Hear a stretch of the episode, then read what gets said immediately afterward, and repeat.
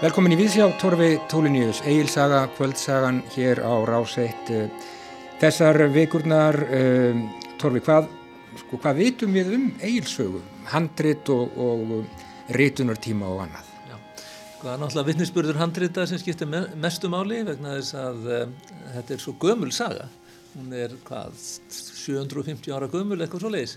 og uh, þar sem við vitum er þá hvað, það sem handritin segja okkur og Elsta handrita brotið sem hefur varðveist er uh, talið vera frá, því, frá miðri 13. öld og það er líka set, þeir sem vita best telja að það, þetta brot sem er kallað þeta, brotið eftir gríska bókstafnum þeta að það sé ekki frumrit, það sé eftirrit og uh, þannig að það gefur okkur tilkynna svo íðan eru heilu, þetta er reynda brotin sem eru heilu handritin eitthvað yngri frá 14. öld og uh, Möðruvallabók er, er kannski þekktasta handriti og það sem lagt er yfirleitt í grundvallar útgáfum á eilsögu, hún er frá 14. öld en þetta er það sem við vitum sem vittnesburður handrita segir okkur að sagan er þá eldri enn frá miðri 13. öld. Mm -hmm. Nú, þetta er það sem við vitum. Já.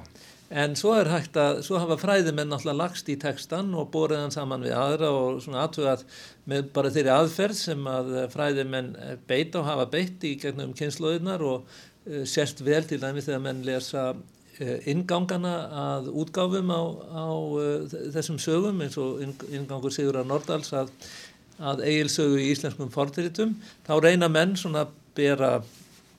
bera söguna saman við aðra sögur, sjá hvort að sagan hafi þegið af öðrum sögum,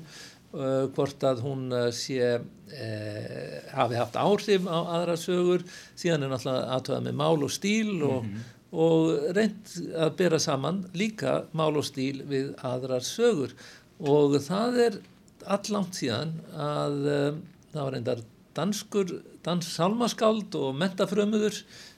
Grundtvik sem að uh, hann verist að verið sá fyrsti allavega sem svo vita sér sem að leta sér þetta í hug að uh, sami höfundur hafi samið eigilsögu og samti heimskringlu og ettu og heimskringla og etta eins og menn vita eru taldar hafa verið samdar af snorra sturlu sinni mm -hmm. og uh, þetta hafa menn verið að, menn hafa verið að fást við þetta síðan og reynda að færa rauk annars, annars veða fyrir því að Snorri eða sami maður og samti heimskringlu og ettu hafi samið eglu og, og menn svona hafa svona aðeins verið að færa snær svarinu og það er sérstaklega gert með stílmælingum Já. sem er ágætis aðferð þar sem er í raun og veru e, tölvan er, er sett, stað, tölfræði er notuð til að e, mæla val höfunda á orðum, orðtökum og þess aftar og þetta er nokkuð svona viðkend aðferð til að eh, komast að því hvort að texti geti verið eftir sama, þeir ólíki textar geti verið eftir sama höfund. Og allt bendir þetta til þess að sá sem að samti eigilsögu hafi verið mjög ná, nálagt þeim sem að samti heimskringlu og ekki síður ettu og um, Edda, snorra Edda eins og við kallum hana, við erum nokkuð vissum að hann samti hana því að þarna eru handrit frá, snemma, frá því snemma á 14. öld, þar að segja ekki nema 50-60 árum eftir að Snorri var vegin í Reykjóldi sem aldrei skildi orðið hafa að, að, að, að það er ekki lenga þetta, það, og þar í þessum handritum er Eddan segir að Edda hafi verið samin af Snorra. Og eins eru líka hei, miðalda heimildir sem að staðfesta það að Snorri hafi samið eh, heimskringlu að minnskosti einhverja hluta hennar. Og þannig að eh, við erum svona eh, það er orðið svona bísna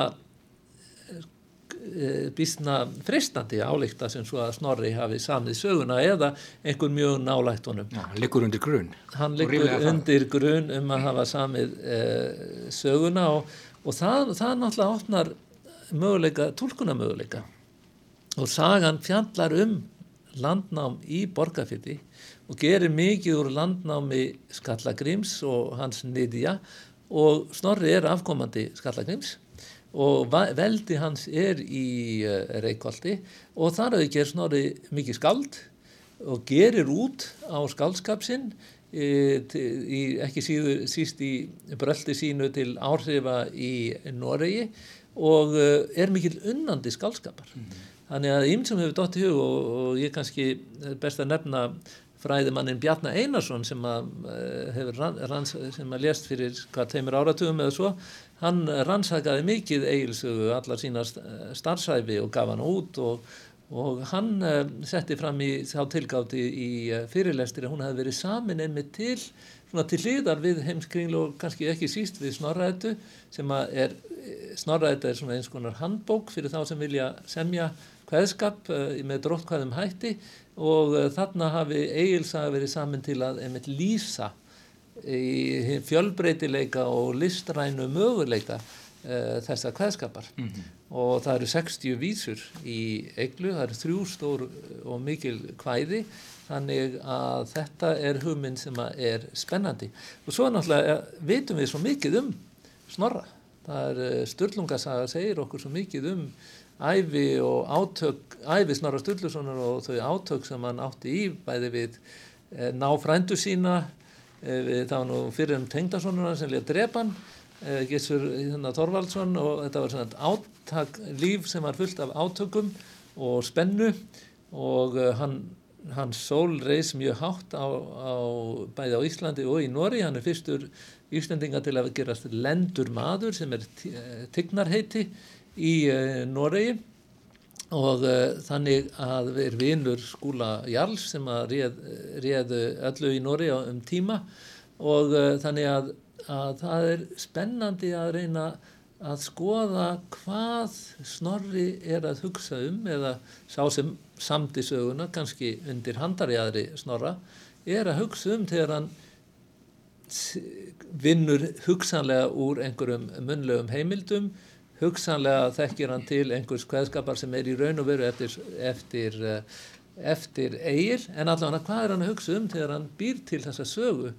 um uh, íslenska landnámsmanna ætt sem að er, eh, eru kappar, hetjur, miklir menn, alveg, alveg tilbúinir að keppa við konunga